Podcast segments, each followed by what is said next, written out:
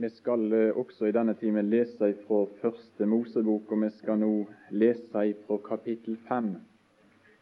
Og Det som jeg vil prøve å stanse litt for i de to bibeltimene som jeg da skal prøve å ha, det er noen av de forbilder som vi har fått, noen av de fine forbilder som vi har på den Herre Jesus Kristus. Og eh, Vi skal nå lese fra kapittel 5, men før vi gjør det, så tror jeg vi vil be i sammen igjen. Himmelske Far, vi sier deg takk for ordet som du har møtt oss med. Takk også for vitnemål gjennom sang nå. Og så har vi lyst til å be for Jesus skyld, at du må ta deg av den enkelte av oss akkurat nå. Jeg ber om nåde og hjelp til å tjene disse med ditt ord.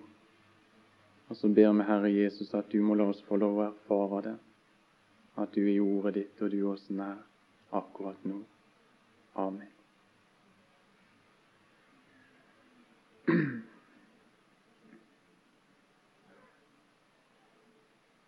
Eh, det som er Guds hovedarbeid, eh, så langt jeg kan skjønne det, det er å vise oss Jesus der. Og eh, vi vet jo det, hvis vi har lest litt i Skriften, at vi kan jo finne Jesus omtalt overalt. Og du vet jo det at når han gikk i sammen med disse Emmaus-vandrerne, så var det mange ting han kunne brukt tida til. Det er jeg overbevist om. Og han kunne gjort mange ting. Men han gjorde én ting, og det var det at han pekte tilbake igjen i Skriftene. Og så viste han disse som gikk der, at det var skrevet om han. Og Han begynte i første Mosebok, og så fortsatte han utover. Det hadde vært interessant å være med. Men jeg bare understreker nå at han fant skrevet om seg sjøl i alle bøkene. Og Bibelen det er egentlig boken om Jesus. Det er slik som vi synger en barnesang. Det er boka om Jesus der. Og noe som har vært veldig interessant for min del, det er å ha det i mine tanker når jeg vandrer i Skriften, at her er det talt om Jesus. Og Så kan du finne han i de forskjellige personer. Så kan du finne han i forbilder av, av forskjellig slag. Ingen av disse forbildene er fullkomne, men de kan avbilde sider ved han. Vi kan få se glimt av Jesus. Og Nå skal vi lese om én person i dag som heter Noah. Og så skal vi stanse litt for han. Og Nå får jeg bare si også her at her er veldig mange ting egentlig som jeg skulle hatt god tid og tatt fram. Nå blir det sikkert veldig fort og, og, og dårlig lagt fram også det som jeg har lyst til å, å, ta nå.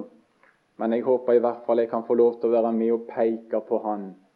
At du kunne få se at Skriften, det er en forunderlig bok. Det er boka om Jesus der.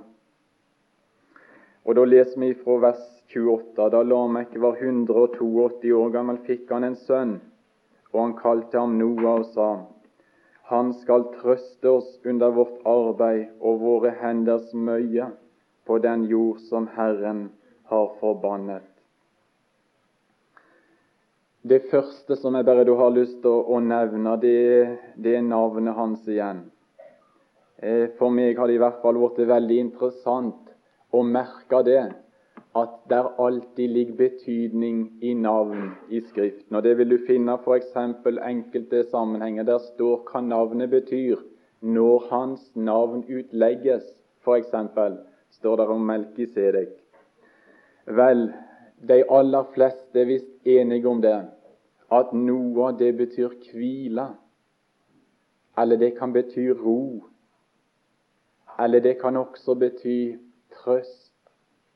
Og det ligger jo faktisk en profeti i dette som lar meg si. Når han ser denne Noah, sant, så sier han han skal heite Noah, og så fortsetter han han skal trøste oss i vårt arbeid og våre henders møye på den jord som Herren har forbannet. Og Nå vet ikke jeg, altså, men når jeg leser videre her om Noah, så er det ting som, som tyder på det, for min del i hvert fall, at denne Noah han bar sitt navn med rette. Tida som han levde i, den var preget av uro.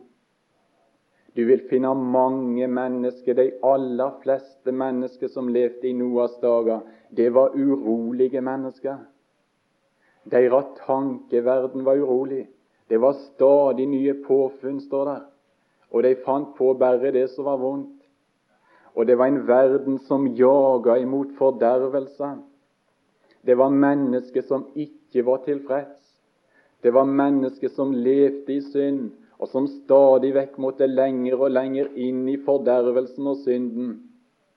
Men midt i den situasjonen, der er det ett menneske, ja, der er vel noen få til, men det er han vi preker om nå, som heter Noah, som skiller seg ut, og som lever på en annen måte enn massen. Han er en original. Har du merka det der? Han følger ikke med strømmen, og han har ikke bruk for denne synden og de der tilfredsstillelsene der, og den der fordervelsen. Noah kom i forbindelse med Herren, og Noah erfarer det at han har hvila, han har fred, han har ro, han er tilfreds. Og Nå har jeg bare lyst til å, si at det er Skriften sitt klare vitnemål. Og jeg har lyst til å si det midt inne i en situasjon som er så urolig som det går an, altså midt i en verden som vi erfarer der er forbannelse altså alle veier, og der er fordervelse alle veier. Der går det an å ha ro. Der går det an å ha fred. Der går det an å ha det godt.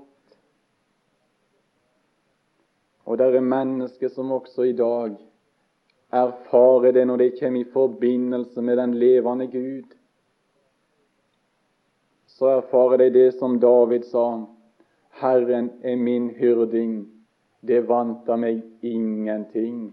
Det er et av de sterkeste vitnemål som jeg finner i salmene. Og jeg tror at det er av de mest aktuelle i vår tid òg. Og jeg hadde lyst til å bringe det ut ifra Skriften. Det er et menneske som er tilfreds. Har du merka det, det at vi lever i en tid da alle mangler så mye? De har nesten alt men allikevel må de ha mer. Og så kommer David med sitt vitnemål jeg er tilfreds. Ja, hvorfor det, da? Fordi han var kommet i forbindelse med Herren. Nå har jeg lyst til å spørre deg som er på, på teamet i dag. Har du kommet i forbindelse med Han som kan gjøre deg rolig? Han som kan gi deg hvile, så du blir en slik Noah som har ro midt i en verden som er under forbannelse, midt i en verden der alt går imot, og så allikevel har ro. La meg også si det at det var ikke bare Noah som i seg sjøl var en slik person som var preget av hvile, men vi finner jo også det at hans gjerning, denne ark som han bygde, den var med og brakte hvile til andre. Og Da tenker jeg på de sju personene som han har med seg. Og når dommen kommer over den gamle jord, så er det mennesker som hviler. Og nå har jeg veldig lyst til å, å, peke på det verset som du kjenner så godt. Men det er jo, det er jo han vi skal tale om. Matteus 11, 28. Og nå må jeg bare få si om Jesus det, at det har forundra meg mange ganger hvordan han kunne være rolig. For en fred han hadde. Det var mer enn én storm. Det var mer enn én en gang han hadde massen imot seg. Og så gjennom alt så har han en forunderlig ro og en forunderlig hvile. Du kan lese om han, og så kan du bli forbausa. Men det som vi vet ut ifra Skriften, det er jo det at han hadde forbindelsen alltid med sin himmelske Far. Det var en gang du leser om Jesus var urolig. Han engstes, og det var i Getsemane. Og da vet du hva han var redd for. Ja, Da var det at dette samfunnet med Faderen skulle brytes. Så ser han inn i det som skulle komme. Denne kalk talte han om, og kalk det, det er omtrent alltid det samfunnet, det forbindelse. Og så ser han mot Golgata, så er han redd. Så engstes han der. Men ellers så har han denne roen og denne freden, Men nå skal jeg bare fortelle deg en ting til. Og det er det at han er i stand til også i dag å bringe fred til mennesket, hviler til mennesket. Og Da leser vi det som står i Matteus 11, 28. Og der sier han, Kom til meg alle, det som sliter, eller i som strever og har tungt å bære, og jeg vil gi eder hvile. Det er godt dette ikke er forelda ord. Jeg synes det. Godt å vite det, altså at disse ord de står her i dag, og det gjelder akkurat nå. Ta mitt åk på eder og lær av meg. Og så åpenbærer Jesus sitt hjerte for oss. Skriftlig har vi det her. For jeg er sakkmodig og ydmyk av hjertet. Så skal I finne hvile for eders sjeler. Ser du at han peker egentlig på en vei? Og det er en vei til hvile. Og han nevner tre ting. Han sier 'Kom til meg', og der begynner det. Og det er det vi bringer ut til alle syndere i denne verden, som ønsker altså å få fred. Så bringer vi det ordet fra Herren. Det er et 'kom'. Der starter det. Når synderen får lov til å legge seg ned hos Jesus, så erfarer han hvile. Men så fortsetter med hvile, og da snakket han om et par ting til. Han sier, 'Ta mitt åk på dykk, og lær av meg'. Og det skulle vi også talt om. For det å fortsette i hvila der Der er mange Guds barn som er urolige, også i dag. Men Jesus viser også en vei her der vi stadig vekk kan leve i ei hvile. Og det ved å ta Hans åk på oss, og det å lære av Han. Og Nå kan ikke jeg si jeg har så veldig mye lys over de tingene der, men jeg tror det må ha med det som vi snakket om i går kveld litt på møtet å gjøre, dette med samfunn med Han. Dette å vandre sammen med Han. Og dette å lære av Han. Og det er forunderlig altså hva ord kan virke, og hva samfunn kan virke.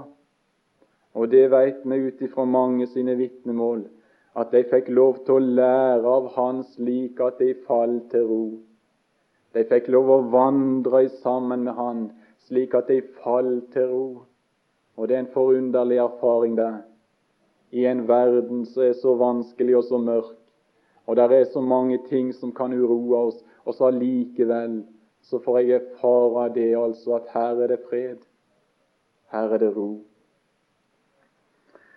Vel, navnet til Noah betydde hvile, og det veit jeg i hvert fall, at det er én person i denne verden som dekker det navnet, og det er han som sier 'kom'. Og du som sitter nå som har møtt han, du kan være med og vitne om at det er sant. Det var kanskje en dag du frykta, og det du frykta mest av alt, for det var når du skulle møte Gud.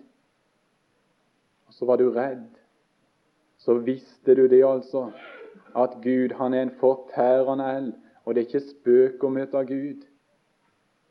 Men så forandra Jesus det for deg, og så fikk du lov å hvile.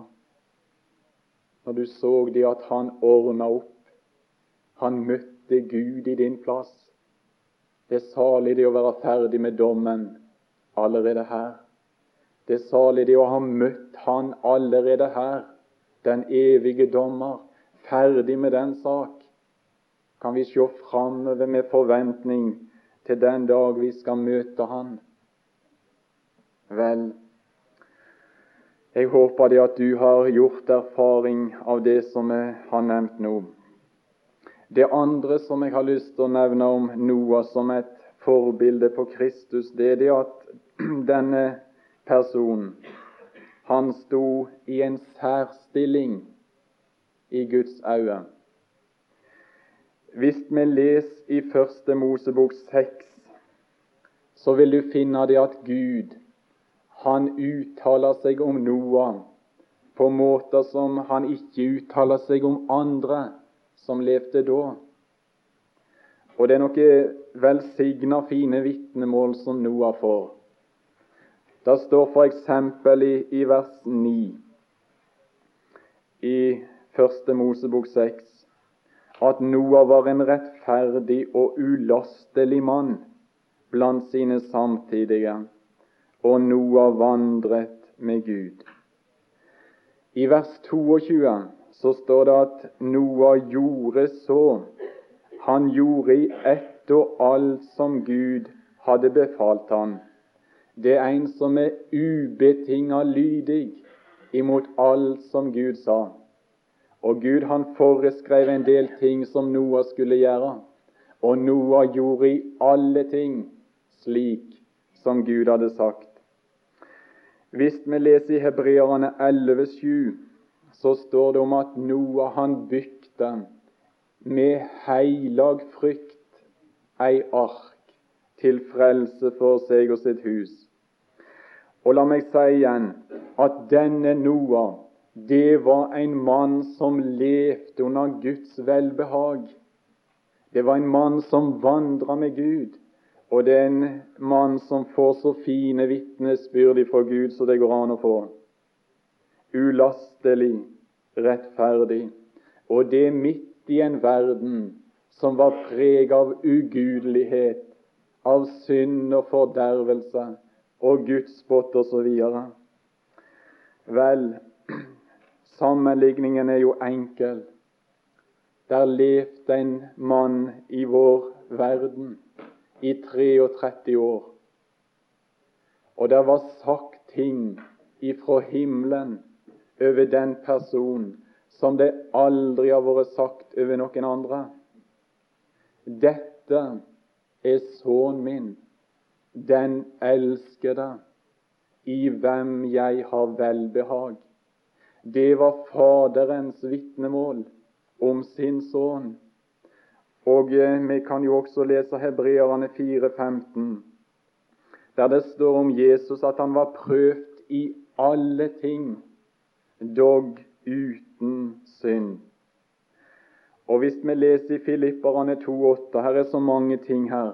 Men der står det om at han var lydig jeg sa det at Noah var lydig i alle de ting som Gud ba han om å gjøre. Det utførte han akkurat slik som Gud hadde sagt det. Men når det gjelder Jesus, så står det at han, ja, han er den ypperste i alle ting. Og hans lydighet overgikk langt den lydighet som Noah viste. For om han står det i Filipperbrevet 2,8 at han var lydig all til døden det var ikke Noah. Men her er det en som aldri brøt ut av den kursen som Gud hadde vist ham. Og her er det en som alltid lever i harmoni med Faderen sin vilje. Og her er det en som aldri går sin egen vei, men som alltid har samfunn og det veit vi ut ifra Skriften at det aldri er noe menneske som har levd et slikt liv som han. 33 år, og så samfunn med Faderen uavbrutt like inntil han henger på korset. Da opplevde Jesus noe som han aldri hadde opplevd før, verken i den evighet som var, eller i den evighet som kommer. Og det var at den Fader som han alltid hadde hatt forbindelse med, han vendte seg ifra han. Jeg synes det er en fin illustrasjon altså når vi leser om Isak og Abraham der oppe på fjellet. Isak hadde mange ganger sett kniven til far. Det hadde han. Han hadde sett han hadde brukt ham på dyr. Men han hadde aldri sett at far løfta kniven imot han. Det erfarte han på Moria. Og nå skal du høre her at ute på Golgata korset, der erfarte Jesus noe som han aldri hadde erfart før, og det var at han fikk Gud imot seg. Alltid hadde de to vandra sammen. Alltid hadde forbindelsen vært der. Men der så roper han, min Gud, min Gud, hvorfor har du forlatt meg? Og det var det ene. Men det andre det er jo at Gud kommer og tar han som den ene synderen.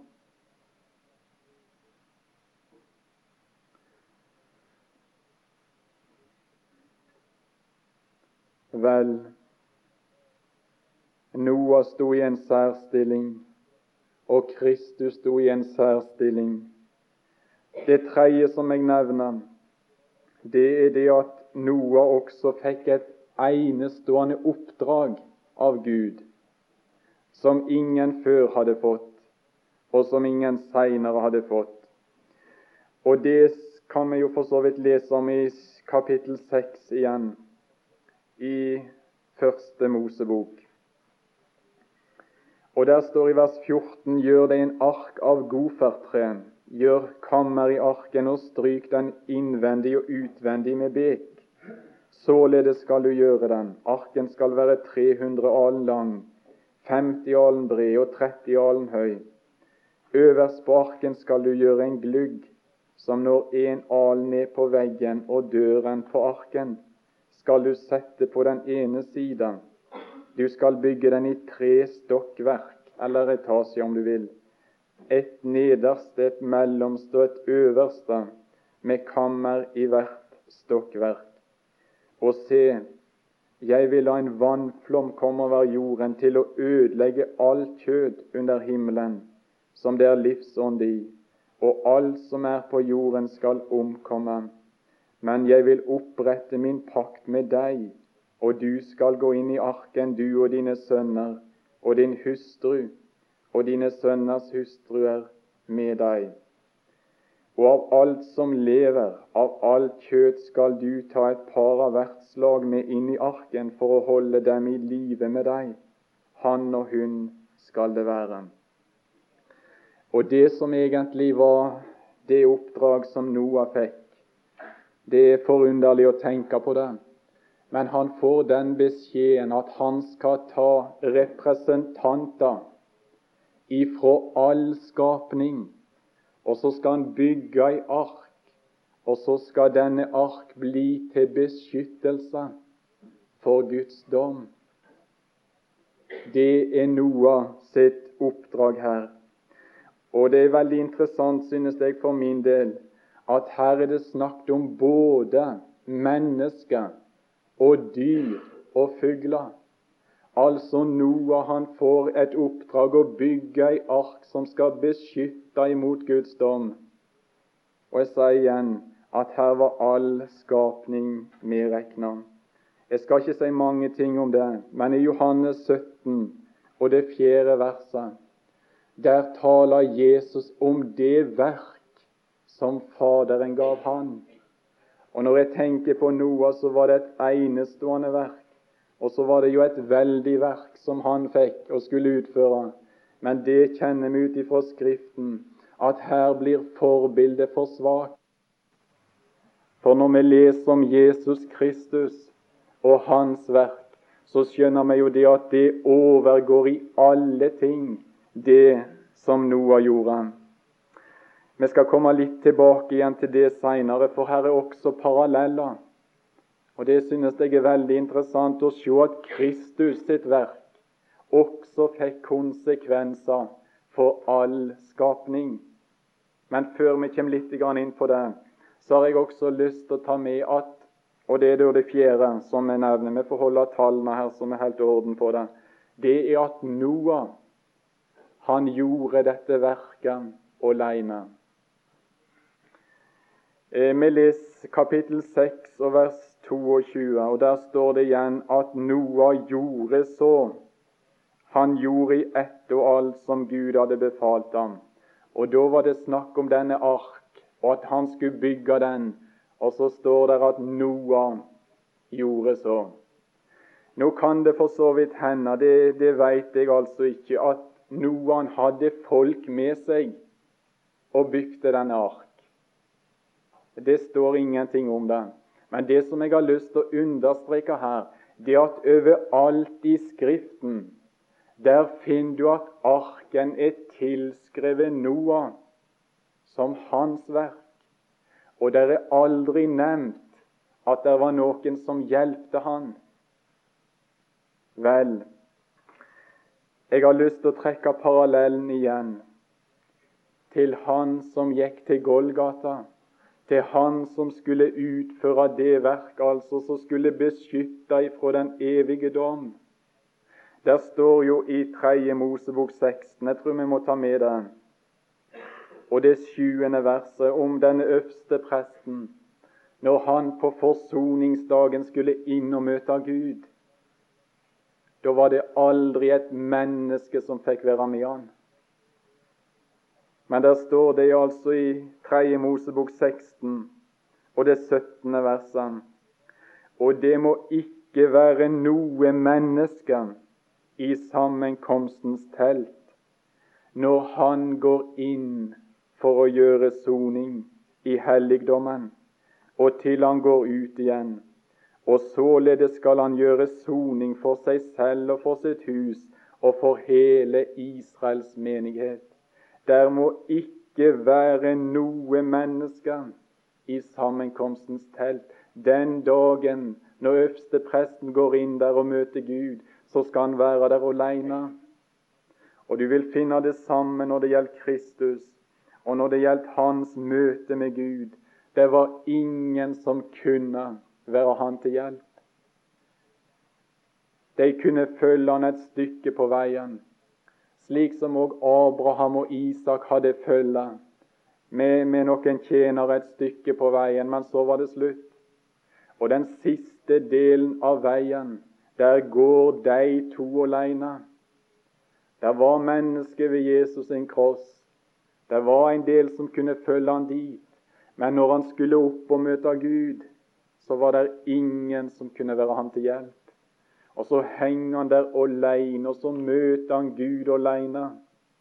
Og det møtet det har jeg ikke forstått så veldig mye av. Men jeg har i hvert fall forstått så mye at jeg sier han inderlig takk fordi du møtte Gud slik som du gjorde. Og din død, det ble mitt liv. Det står at han smakte døden for alle. Og hva det betyr, det forstår jeg ikke så mye av. Men jeg forstår i hvert fall det at han har tatt den bitre smaken vekk for alle de som tror på han. Slik at, som det var nevnt en kveld før, dette med døden det er blitt nytt for Guds folk. Vel, Noas verk, Kristus sitt verk. Og vi tror vi skal skjønne det bedre den dag vi går ut av denne verden. Det blir ikke mye å takke meg for når, når jeg stiger inn i evigheten. Og det blir sannelig ikke mye, egentlig, å rosa oss for. Men da skal vi skjønne det altså som vi kanskje ikke har skjønt så, så veldig mye, ikke dybden av i hvert fall i denne verden. Det var hans verk. Og du merker deg det når, når Bibelen åpner himmelen for oss. Det er en forunderlig bok. Men når du leser f.eks. i Johannes' åpenbaring, og når du leser om den åpne himmelen, og når du får se litt inn der, så har du merka deg det at alle er opptatt med Han, og at alle er opptatt med å tilbe Han? Ja, hvorfor det, da? Ja, når det gjelder de frelste syndere, i hvert fall, så er det jo mellom annet fordi at grunnen til at det er der er Han. Han gjorde det som de aldri kunne. Det var hans verk, og derfor blir det også Han som all ære og all takk og all pris skal tilhøre i evighet. Vel, det femte jeg har lyst til å nevne litt om, jeg bare nevner det kort, det er at det er også en forunderlig taushet når det gjelder selve byggingsarbeidet av Noas ark. Der står en del ting om hvordan denne ark skulle være. Der står en del mål Der står en del om hvordan disse etasjene skulle være slik. Det skal vi kanskje komme tilbake til i morgen litt.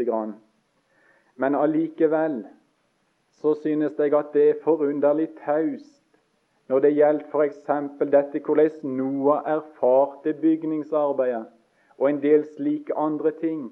Der står altså bare det at Noah skal bygge ei ark, og så plutselig så står arket ferdig. Og så kan du jo bare begynne å gjette hva som har skjedd, og hvordan han har opplevd disse tingene. Det er en taushet her som er forunderlig. Og nå må jeg bare få lov å trekke en parallell igjen. For ute på Golgata der er det også en taushet som mange ganger har talt til meg. Og det er så vanskelig å følge Jesus da. Jeg tenker på de tre timene når, når mørket senker seg over Golgata. Og så har jeg av og til tenkt hvordan erfarte han det? Vel, du kan finne litt i Det gamle testamentet her og der.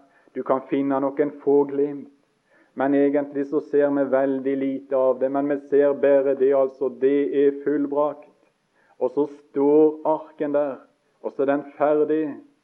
Og så er den åpen for hvem som helst å gå inn.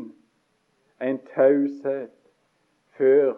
Men ropet var tydelig, og ropet var klart. Og alle som vil, de kan høre det, altså. Det er fullbrakt. Og det er et velsigna ord. Jeg snakket innledningsvis om ord som kan bringe fred.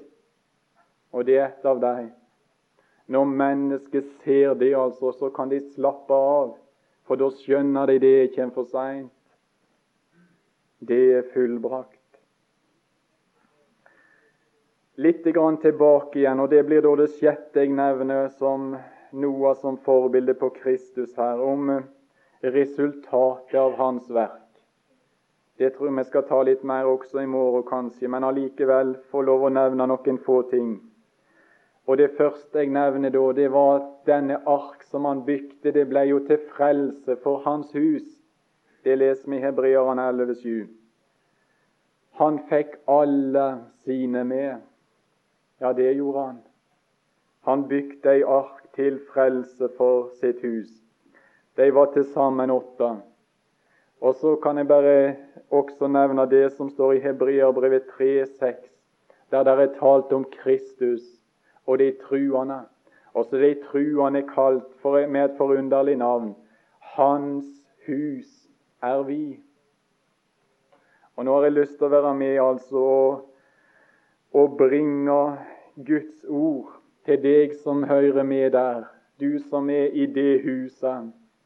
Og jeg har så lyst til å være med og, og kveike opp motet og Guds folk.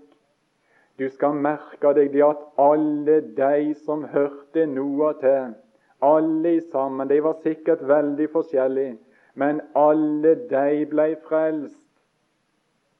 Alle de kom igjennom dommen, om du vil, og syndfloden. Alle de kom til Ararat, til den nye jord, om du vil den gamle hadde gått unna i vatnet, men det var en ny jord. Ararat betyr visstnok hellig grunn. Og alle som hørte til i Noas hus, de kom igjennom med Han. Og så ser du parallellen.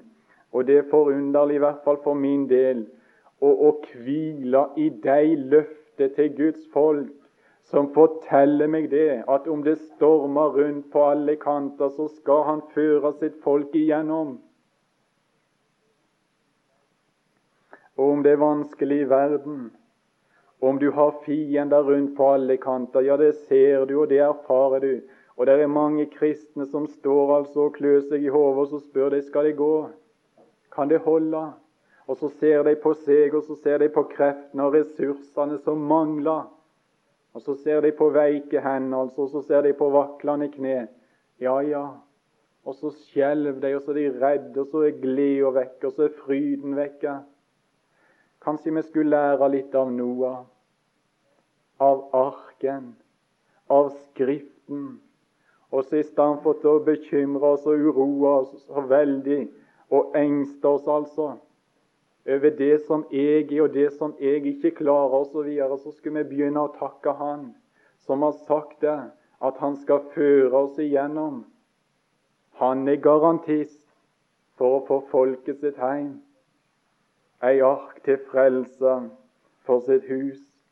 Og hvis Noas ark kunne klare det der, altså, så har jeg ingen betenkelighet med å, å, å tro det, at Hans verk, det skal holde, også for de svake.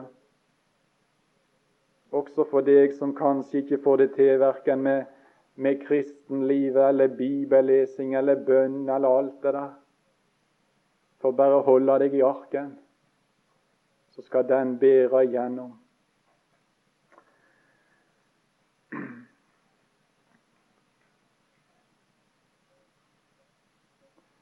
Noas verk fikk konsekvenser for hans hus, men ikke bare det. Og da må jeg få nevne det andre som jeg så vidt var inne på litt før.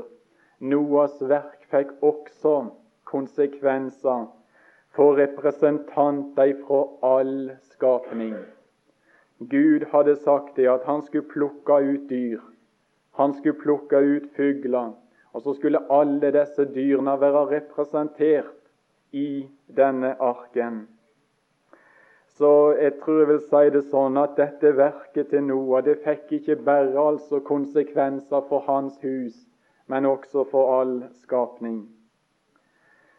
Hvis vi leser i Romerbrevet, det åttende kapittel, og sånn cirka fra vers 20, så vil du finne en annen ting, og det er det at syndefallet det fikk også konsekvenser for all skapning. John nevnte så vidt litt om det i forrige time. Dette med forbannelsen. Og dette med at alt ble lagt inn under forbannelse i denne verden. Der står om skapningen som sukker og stunder i Romerbrev 8, om forgjengelighet osv. Så, videre. så det er en klar forbindelse egentlig mellom fallet og den skapning som i dag er, er, er markert og preget av det. Men nå har jeg lyst til å si om skapningen blei merka av syndefallet, så skal den sannelig også ut ifra Guds ord bli merka av frelsesverket til den Herre Jesus Kristus. Og da tenker jeg på flere ting. Jeg synes det er nærliggende f.eks. å tenke på den periode som jeg personlig i hvert fall tror skal komme over denne verden som vi lever i som er kalt tusenårsriket i Skriften. Jeg tenker også på den nye himmel og den nye jord. Og så kunne vi talt en del med hverandre om disse ting. Og jeg tror vi skulle blitt enige om det, altså. At her skal skje ting for all skapning og for skaperverket som har forbindelse med den mann som hang på forbannelsens tre en dag. Det er mange mennesker i dag som, som lengter etter det, at det skulle bli fred i verden. Og det er jo en god del aktivitet i sving for å skape fred. Vel, jeg skal ikke si noe galt om det, men personlig har jeg liten tro på at det skal bli noe universal fred i denne verden før en Han kommer som er kalt for fredsfyrsten. Men det vet vi ut ifra Guds ord, at når Han kommer, så skal det bli forandring på jord. Det skal bli et forandra forhold menneskene imellom. Det skal bli forandra forhold dyrene imellom. Og Når jeg nå snakker om den skapning altså som Noas verk fikk konsekvenser for, så har jeg bare lyst til å lese noen, noen ord, så skal du få se at her er paralleller, og at det skal bli andre forhold enn det i dag. Og Da slår vi opp i Esaias 11.